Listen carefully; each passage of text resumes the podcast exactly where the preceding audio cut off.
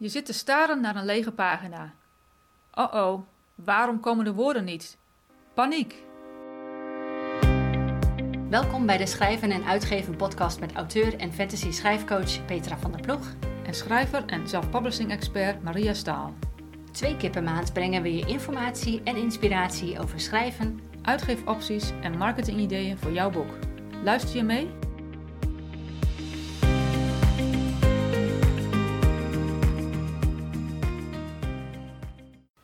Hallo allemaal, ik ben Maria Staal en het is zaterdag 12 februari 2022.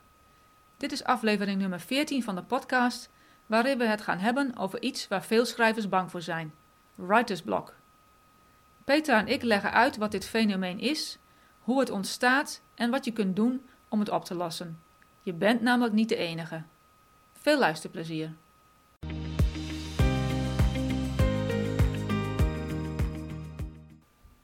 Nou, we zijn weer bij elkaar, uh, Peter en ik. En deze keer uh, weer via Zoom, want we zitten nog steeds in een uh, lockdown helaas.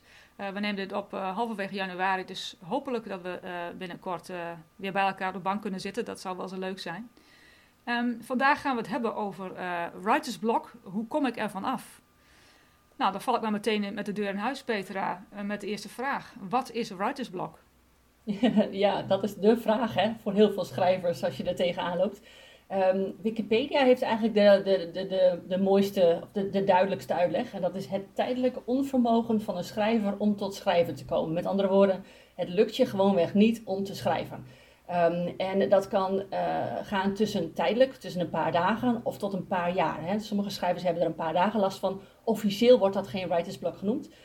Um, uh, maar er zijn ook schrijvers die echt jarenlang niet kunnen schrijven om wat voor reden dan ook. En dan noem je dat echt wel een writer's block. Um, en het belangrijkste te weten met writer's block is dat je daarin niet alleen bent. Heel veel schrijvers hebben er last van en er is iets aan te doen. Ja, ja gelukkig dat laatste. Hè? En er is iets aan te doen. Dat is wel erg fijn om te weten. Mm -hmm. um, maar, dus, maar waarom ontstaat writer's block dan eigenlijk als je, nou ja, als je het daarover hebt? Nou, we kunnen dat eigenlijk in, twee, uh, in grofweg twee uh, redenen kunnen we dat verdelen. Eén um, reden zal ik heel goed uit gaan werken, want dat is waar de meeste schrijvers tegenaan uh, tegenaan gelopen. Een andere, daar begin ik eventjes mee, dat is als je je plot niet goed ontwikkeld hebt. Met andere woorden, je hebt een idee, je bent begon, eh, begonnen te schrijven, um, maar dan zak je ergens in het midden of ergens aan het eind, zak je nou ja, eigenlijk een beetje als een kaartenhuis in elkaar, want je weet niet hoe het verhaal afloopt. Als het plot dus niet goed ontwikkeld is, dat kan voor heel veel schrijvers een reden zijn om te stoppen uh, en niet te weten hoe verder door te gaan. Um, ja. Maar goed, dat is in principe, quote, quote, makkelijk te behandelen, want dan moet je gewoon zorgen dat je je plot sterk, sterk neerzet. Ja. Um, daar gaat dit, deze podcast niet over, want um, de writer's block gaat namelijk verder dan dat. Op het moment dat jij uh, van begin tot eind duidelijk hebt waar je verhaal over gaat, wat het doel is van elk hoofdstuk en elke scène, en dan, en dan nog tegen writer's block aanloopt, dat is waar we dus nu, uh, nu op ingaan. Ja. Um, en het is wel een leuk, leuk detail. Er is in de jaren 70 een onderzoek gedaan um, naar writer's block. Uh, toen hebben ze schrijvers die al een tijdje tegen een writer's block aanliepen, hebben ze ge, ja, gevraagd wat zijn eigenlijk de redenen waarom je nu niet aan het schrijven bent. En daar bleek uit dat er vier oorzaken waren. Um, ik zal ze één voor één eventjes doornemen. En ja. uh, waarschijnlijk kunnen luisteraars zichzelf daar al wel in gaan herkennen. Prima. de eerste reden uh, de eerste oorzaak is het overdreven kritisch zijn op jezelf, oftewel perfectionisme. Ja. Um, dat herken jij waarschijnlijk ook wel. nee, nee, dat, ik, ben, nee. Genoeg, ik ben wel iemand die heel erg in structuur en alles, en alles uh, uh, plant, zou ik maar zeggen. Maar ik ben geen perfectionist. Dat is het rare aan mij. Oké, oké. Okay. Nou, ik, ik herkende mezelf er wel heel erg in. Vooral in het begin toen ik net begon met schrijven. Um, Oké, okay, nou de tweede is de angst om vergeleken te worden met anderen schrijvers. Uh, ja. En daarin haakt eigenlijk een beetje het uh, gevoel van mijn verhaal is niet uniek. Hè, want dan ga je jezelf ook in die uh, vergelijkmodus neerzetten. Ja. Um, een derde oorzaak is een extern motivatieprobleem. Um, en dat wordt bijvoorbeeld gezien als zijnde uitstelgedrag, jezelf laten afleiden, constant andere dingen boven je schrijven neer te zetten. Uh, en de laatste oorzaak is een intern motivatieprobleem. Oftewel, je vindt je idee eigenlijk niet zo interessant meer. Je bent de liefde ervoor verloren. Je hebt er geen passie meer voor. Um, ja, het, op het moment dat je het verhaalidee hebt, was het heel, uh, heel interessant, heel fijn. En, maar op het moment dat je het gaat uitwerken, hmm, zakt het toch allemaal een beetje in elkaar. Vind je het Ja. toch niet zo interessant meer. Heel veel van deze oorzaken komen eigenlijk allemaal een beetje terug op hetzelfde, eh, een, een basisonzekerheid die heel veel mensen hebben. En dat is, ik ben niet goed genoeg. Nee, nee. Ja, dat is natuurlijk heel vervelend als je die, eh, die onzekerheid hebt. Dat het kan natuurlijk niet alleen met schrijven, maar ook misschien met uitgeven en eh, alles, misschien het hele leven wel, hè, dat je dat soort onzekerheid kunt hebben. Klopt, klopt. En deze redenen kunnen inderdaad, wat dat betreft, op elk moment in het uitgeefproces, schrijf- en uitgeefproces moet ik eigenlijk zeggen, kunnen ze voorkomen. Ehm, eh, maar ja, writersblok gaat om het schrijfproces, dus vandaar Ja. dat we ons daar nu even op richten. Uiteraard. dus dat zijn de, dus dat zijn de, de redenen eh, waardoor een, een writersblok ontstaat. Ja. Ehm, wat ik nog even wel interessant vond, wat jij zei, van dat je jezelf gaat vergelijken met, met andere eh, schrijvers. En dat je dan dus denkt dat je zelf niet goed genoeg bent. Ehm, daar hebben inderdaad heel veel mensen last van. En in het Engels heeft, heeft dat een interessante term. Of, eh, dat heet dan comparinitis. Ja. Dat, je elkaar, dat je jezelf dus compared, dus vergelijkt met anderen. En ja, dat, het is dus... Het is niet een, ik denk niet dat het een wetenschappelijke term is, maar het is wel een, een term die in de indie-wereld, in de, in de zelfpapwereld, eh, ja, veel wordt gebruikt voor, Ja. voor dit, deze specifieke reden. Ja. Ja, en het werkt ook echt verlammend, want de vergelijkmodus gaat aan tussen een relatief beginnende schrijver met, eh, met vergelijking van iemand die al eh, established is. Hè? Iemand die al staat, iemand die al boeken heeft uitgegeven. En die vergelijkmodus gaat dus altijd ten koste van jezelf. Want jij bent Ja. gewoon niet op datzelfde punt. Dus je kan jezelf niet gaan vergelijken met schrijvers die, ehm, die al nou ja, tien stappen voor jou lopen, omdat dat gewoon niet een eerlijke vergelijking voor jezelf is. Dus het is een manier, Nee. eigenlijk is het een soort eh, manier van jezelf, een soort eh, zelfbeschermingsmodus. Van nou, als ik, als ik niet daar ben, eh, nou, dan hoef ik daar ook niet te komen, want ja, ik, ik, heb, ik, heb dat, ik ben toch niet goed genoeg. Ik ben waar ik nu ben en dat is, dat is, eh, dat is niet goed genoeg. Dus nou, laat ik er maar mee stoppen. En dat, is dus, Ja. dat zorgt dan direct voor die blokkade. Dat is voor die, voor die blokkade. En niet alleen eh, voor schrijven, maar ook inderdaad voor uitgeven en, eh en marketingdingen en zo. Dat is Ja. hetzelfde. Ja. Ja, ja, Ja. klopt. Ja. Dus dit zijn, de, dit zijn de redenen waardoor een writersblok eh, kan ontstaan. Mhm. Maar stel nou dat je dat hebt gekregen. Je hebt het, je denkt van nou, ik, ik, ik, kan niks, ik, ik kan niet meer schrijven, het lukt allemaal niet meer. Ehm, hoe ga je daar dan mee om? Hoe Ja. ga je om met een writersblok? Ja, nou ja, het belangrijkste in eerste instantie is, is gewoon even heel, heel, heel eerlijk met jezelf zijn. Eh, eh, om te ontdekken wat nou eigenlijk die reden is. Dus wees gewoon daarin heel erg ehm, ja, kwetsbaar zou ik haast zeggen, maar gewoon eerlijk naar jezelf. Van, eh, er zijn, ik, ik heb vijf punten opgeschreven wat een schrijver wellicht zal gaan herkennen. En ik geef daarbij ook gelijk eventjes wat voor ehm, opties je dan hebt, hoe je daarmee kunt omgaan. Ehm, Ja. En laten we gelijk beginnen met de eerste, dat is misschien het makkelijkst. Ja, prima, doe maar. Voel je een grote druk om te presteren of te overtreffen? Oftewel, ehm, dat, dat is eigenlijk weer een beetje die perfectionisme. Hè? Het moet gelijk Mhm. goed staan. Ehm, stel jezelf dan de vraag waarom? Waarom voel ik Ja. die grote druk? Eh, voor, wie, voor wie moet ik presteren? Wat, wat, wat, wat is er aan de hand? Schrijf dat gewoon eens uit om te kijken van is het wel zo realistisch wat je nu aan het denken bent? Is het wel zo belangrijk dat je dus nu inderdaad die grote druk moet gaan voelen, want het blokkeert. Dus dat uitschrijven. Ehm, vervolgens een tip die je daarbij kunt gebruiken is als je eenmaal aan je verhaal weer begint. Ga niet herschrijven, ga niet teruglezen. Ga gewoon zorgen dat je eerste versie op papier staat. Dat is het allerbelangrijkste. Je wil niet ehm, eh, die druk voelen van het moet gelijk perfect op papier. Nee, nee dat- dat, kan volgens mij kan dat ook niet. Dus eh, wat Nee. ik zelf ook altijd doe, als ik eenmaal bezig ben met de eerste versie, gewoon doorschrijven, niet weer teruglezen. En dat, dat, dat komt wel in het herschrijven in het, in- bij de tweede en de derde en de vierde versie. Klopt, klopt. En eh, een tip daarbij ook is, eh, heel veel mensen die denken dat ze in chronologische volgorde moeten gaan schrijven. Van nou, ik begin bij hoofdstuk 1 en ik eindig bij dat en dat, hè, welk hoofdstuk het eind is.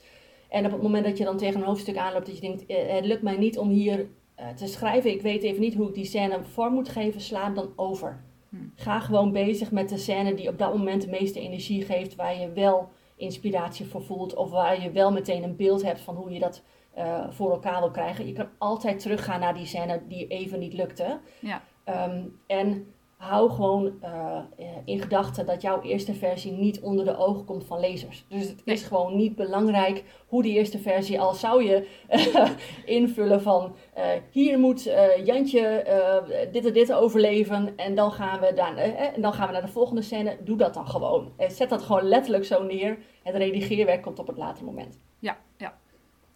Dus dat is de eerste. Hè? Dus eh, grote druk om te presteren.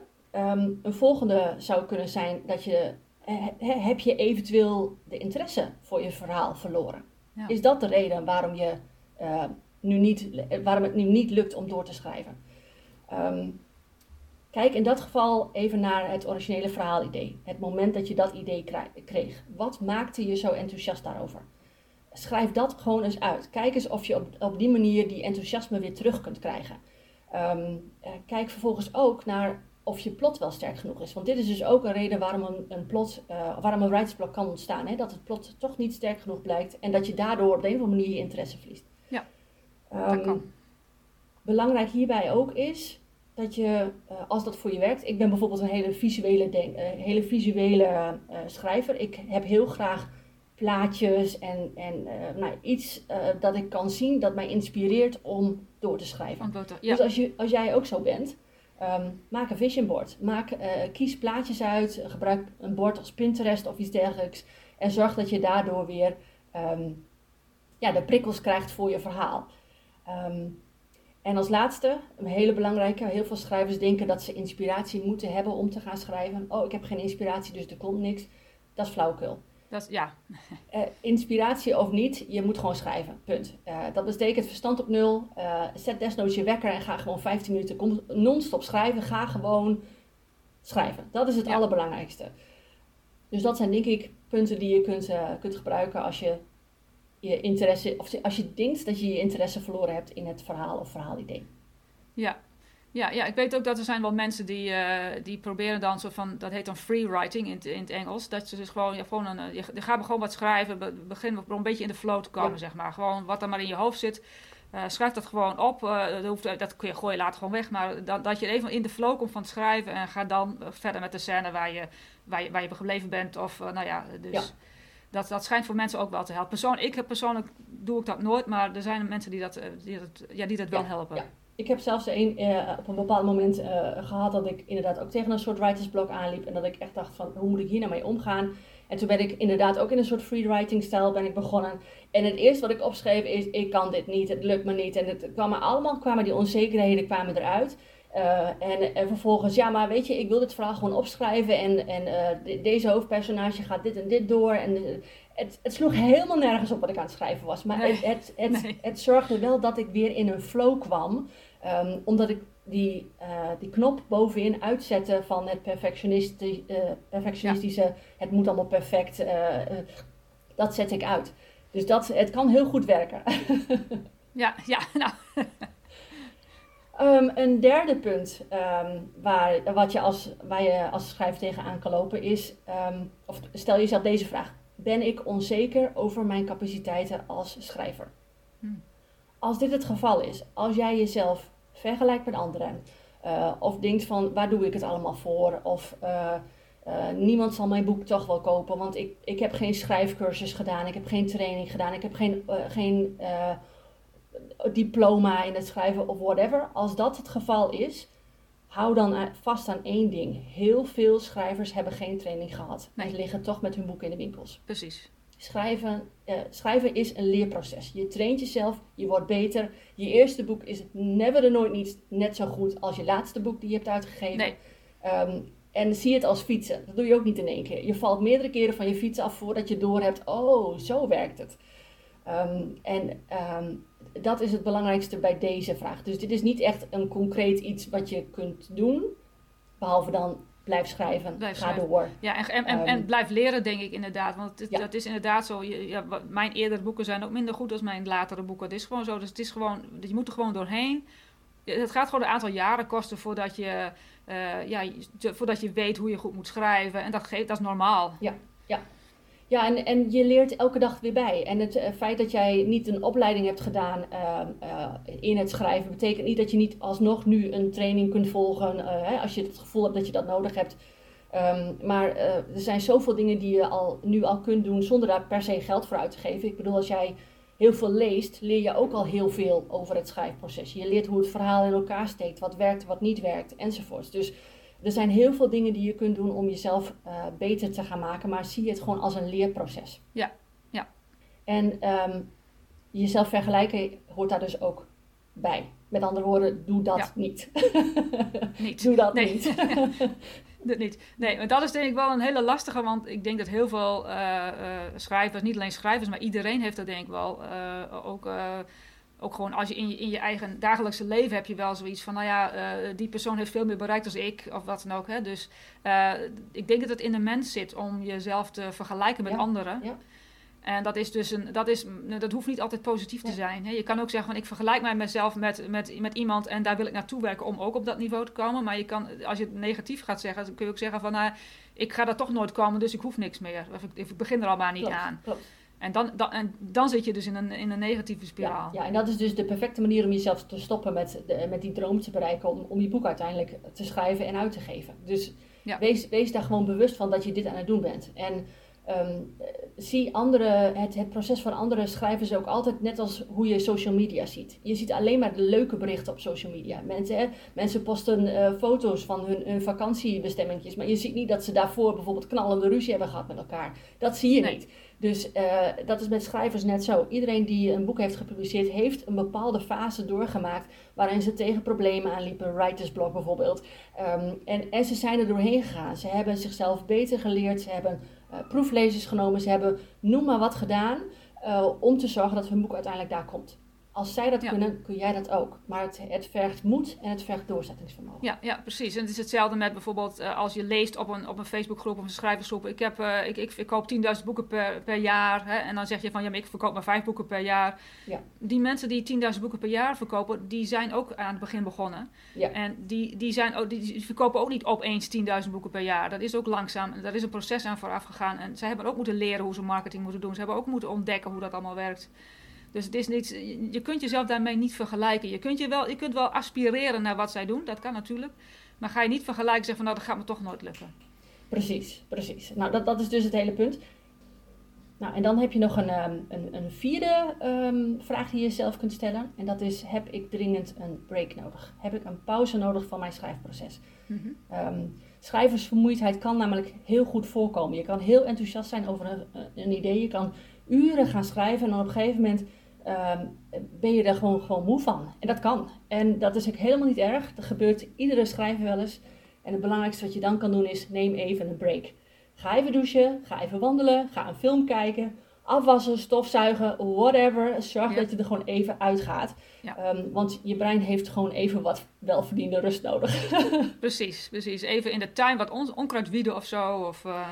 Ja, ja. zo'n zo mindless, uh, gewoon even je brein uitzetten, een, een, een, klusje zoals afwassen of, of stofzuigen of inderdaad even in de tuin. Dat zijn dingen die, uh, die kosten je brein niet heel veel energie. Dat, je gaat eigenlijk een beetje op een soort automatische piloot. Ja. Dat is een perfect moment om even weer uh, te gaan resetten. Hè, wat je ook heel vaak hoort is tijdens het, het douchen komen ook allerlei ideeën van verhalen naar boven. Dat is dus ook iets wat op dat moment kan gebeuren. Je kan weer de energie terugkrijgen voor het schrijven. Ja precies. Klopt, dat heb ik ook altijd. Ik heb altijd, als ik af was, dan krijg ik altijd ideeën. Ja, ja. En dat is omdat je je brein eigenlijk gewoon, je, je, je geeft je brein rust en daardoor komen de creatieve dingen komen weer naar boven. Ja. Dus dat is gewoon een heel, eh, heel, eh, dus zorg niet dat je in de moedfase, ja ik zit nu in de flow, ik moet nu door blijven schrijven, het gaat nu zo lekker. Nee, nee, nee, nee. Dat komt wel weer terug. Neem even pauze. Ja. En dan de laatste, en dit is een die voor mij heel belangrijk is. Laat ik me te gemakkelijk afleiden. ah, ja, een hele belangrijke. Ja, ik weet niet, herken jij die? Ja, ik denk dat iedere schrijver dat wel herkent. Zeker met social media en Facebook en weet ik veel het allemaal. Dat het gewoon, uh, ja, je bent gewoon zo snel geneigd om even, om, om even te kijken of er nog iets op Facebook is gebeurd of uh, weet ik veel. En dan, en dan, dan, voor je weet ben je een half uur verder. Klopt, klopt. Ja, en er zijn een paar dingen die je dan kan doen. En dat is Um, hierin vergt het ook wel een beetje moed, moet ik zeggen, om dat te doen. Want uh, je, helemaal in deze tijd voel je gewoon die noodzaak om altijd bereikbaar te zijn en altijd uh, alle berichten gelijk up-to-date te blijven. Hè? Als er op social media iets wordt gepost of iets dergelijks, dat je gelijk weet, wat, wat is het?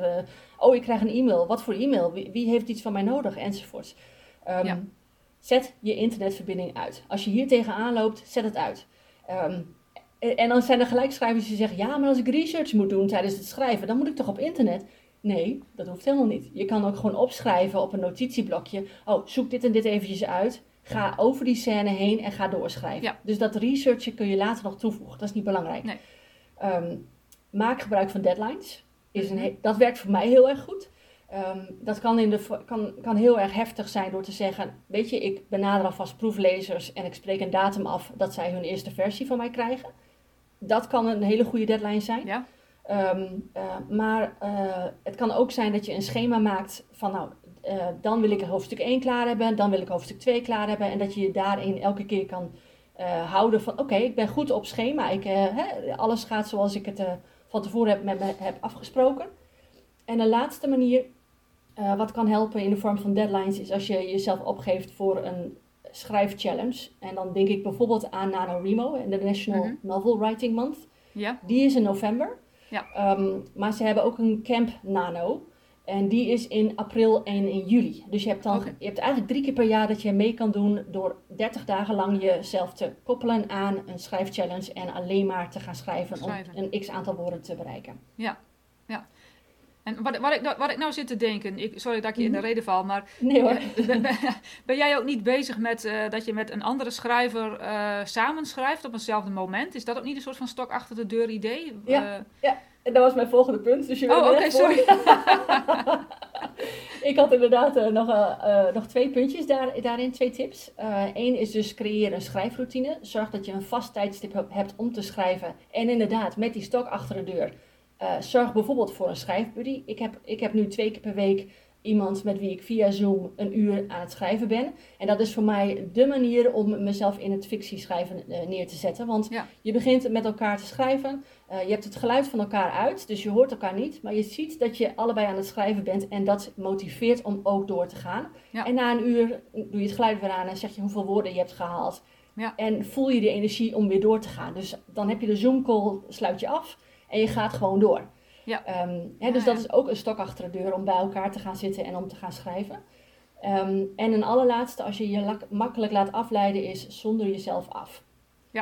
Um, zorg dat je uh, zowel je menselijke als je dierlijke huisgenoten uh, op, een, op een andere plek neerzet. Vooral uh, dierlijke huisgenoten in jouw geval. ja, precies. Ja, want ik weet niet of jullie dat horen, maar af en toe hoor je een van mijn katten heel hard mouwen. Dus die, die wil heel graag in dit gesprek. Um, maar um, het kan bijvoorbeeld ook helpen, dat, dat is iets voor mij in ieder geval, om instrumentale muziek op te zetten. Dus of, ja. Oh ja, echt koptelefonen uh, voor mij helpt het bijvoorbeeld niet als ik teksten hoor, want dan ga ik me focussen op die teksten. Maar als ik, uh, er is op YouTube bijvoorbeeld genoeg muziek te vinden die, um, quote, quote, concentratieverhogend is. Mm -hmm. Met andere woorden, er zit een bepaalde soort um, geluidstrillingen zitten daarin. En dat zorgt ervoor dat je brein op een bepaald niveau gaat functioneren. Dus dat okay. zijn ook manieren die je zou kunnen uittesten. Uh, of dat je helpt in het concentratievermogen. Ja. Ja, wat, wat, wat ik wel eens heb geprobeerd is uh, met, inderdaad met de koptelefoon op en dan via YouTube een, een filmpje uh, aanzetten met het geluid van, van regen. En, en mm. een hele za zachte uh, onweersbui. Met heel, heel, in de, heel ja. in de verte een onweersbui en voor de rest gewoon regen wat neervalt. Ja. En dat, dat ja. is ook heel rustgevend. En dat, dat geeft mij ook een soort van concentratie. Want dan, ja, dan, dan focus je, dan, dan filter je eigenlijk de buitengeluiden van, er loopt iemand door de straat of je buur, boven een buurman maakt lawaai, weet ik veel, dat, dat hoor je dan minder. En dan kan je meer concentreren. Ja, ja. Ja, en het helpt ook daarbij een koptelefoon te hebben die ook echt het geluid uh, afdekt. Dus je hebt, je hebt van die, uh, uh, die helemaal om je oren heen gaan bijvoorbeeld, hè, van die grote ja. koptelefoons. Ja. Die helpen daar heel goed tegen, want je hoort daar ook echt geen ander geluid. Um, dus dit zijn dingen die je gewoon voor jezelf kunt gaan uitzoeken. Wat werkt wel en wat werkt niet. Nou, hartstikke goed. Dus dat zijn, dat zijn de, de, de, de reden, vijf redenen die jij hebt uh, gegeven om hoe je moet om, kunt omgaan als je een writersblok hebt. Ja, ja even uh, echt de, de, de, vijf meest, de meest voorkomende. En er zullen natuurlijk meerdere zijn. Ja. Um, en mocht dat het geval zijn, dan ben ik wel heel nieuwsgierig. Dus als mensen hier naar luisteren en ze zeggen, nou ik loop tegen dit en dit aan, deel het gewoon inderdaad even in de comments ja. uh, onder dit bericht. Uh, want ik ben wel heel nieuwsgierig wat er dan nog meer ja. mee is. En wellicht heb ik een paar tips hoe je daarmee kunt omgaan. Precies, precies. Ik denk dat er ook uh, sowieso dat je al heel veel ontzettend goede tips hebt gegeven. Um, heb jij nog een, een conclusie, dat uh, als we het allemaal gaan samenvatten, wat, heb je nog een algemene eindconclusie die je zou kunnen geven? Ja, dat heb ik. Dat heb ik zeker. Um, ah. Het belangrijkste wat je jezelf in, in gedachten wilt houden is, maak het probleem niet groter dan het is. Writersblok is iets wat heel veel voorkomt. Het kan tijdelijk, het kan lang, langdurig. Um, het, zorg er natuurlijk voor dat het niet in het langdurige proces komt. Ga, ga, de tips, nee. ga deze tips die we nu noemen, um, ga die gewoon uitproberen. Kijk uh, waar je tegenaan loopt. val niet in, in het gevoel van, oh het lukt me toch niet, um, ik, ik ben niet goed genoeg. Of probeer dat stemmetje naar beneden te schakelen en ga gewoon uitproberen wat wel en niet werkt. Dus wees lief voor jezelf en je onzekerheden. Wees um, um, vertrouw op het feit dat als jij een boek wil schrijven, dat het boek er wel degelijk kan komen. Maar dat je gewoon moed, hebt, moed nodig hebt uh, en um, uh, ja, doorzettingsvermogen. Dus, en ja. dat, je, hè, dat je één of twee dagen of een paar weken gewoon even een break tussendoor nodig hebt. Helemaal niet erg. Neem die tijd gewoon voor jezelf. En, maar spreek wel een datum af van nou, dan gaan we weer door. en dan is het verstand op nul en gewoon gaan. Precies, precies. Nou, het lijkt me een hele goede conclusie. Wat ik nog als conclusie net bedacht, toen, jij dit allemaal zei, dacht ik van... Ga ook eens praten met andere schrijvers. Ga eens kijken op Facebookgroepen, schrijfgroepen, forums... Uh, van hoe andere schrijvers daarmee omgaan. Misschien is dat ook nog een, uh, een tip. Ja, ja, ja, connectie maken met andere schrijvers zeker. Die heb ik inderdaad nog niet genoemd. En dat is goed dat je die nog even toevoegt. Want uh, de, heel veel schrijvers denken ook dat, het allemaal, dat ze het allemaal alleen moeten doen. Dat het proces iets is wat zo persoonlijk is dat niemand anders zal begrijpen waar ze doorheen gaan. En dat is echt flauwekul. Iedereen ja. snapt dit uh, als je in het schrijfproces zit. Iedereen snapt waar je tegenaan loopt. En um, ja, ga, ga het gesprek met elkaar aan. Ja, precies. Nou, super goede tips. Dank je wel voor het gesprek. Leuk. En uh, tot de volgende keer. Ja, tot de volgende keer.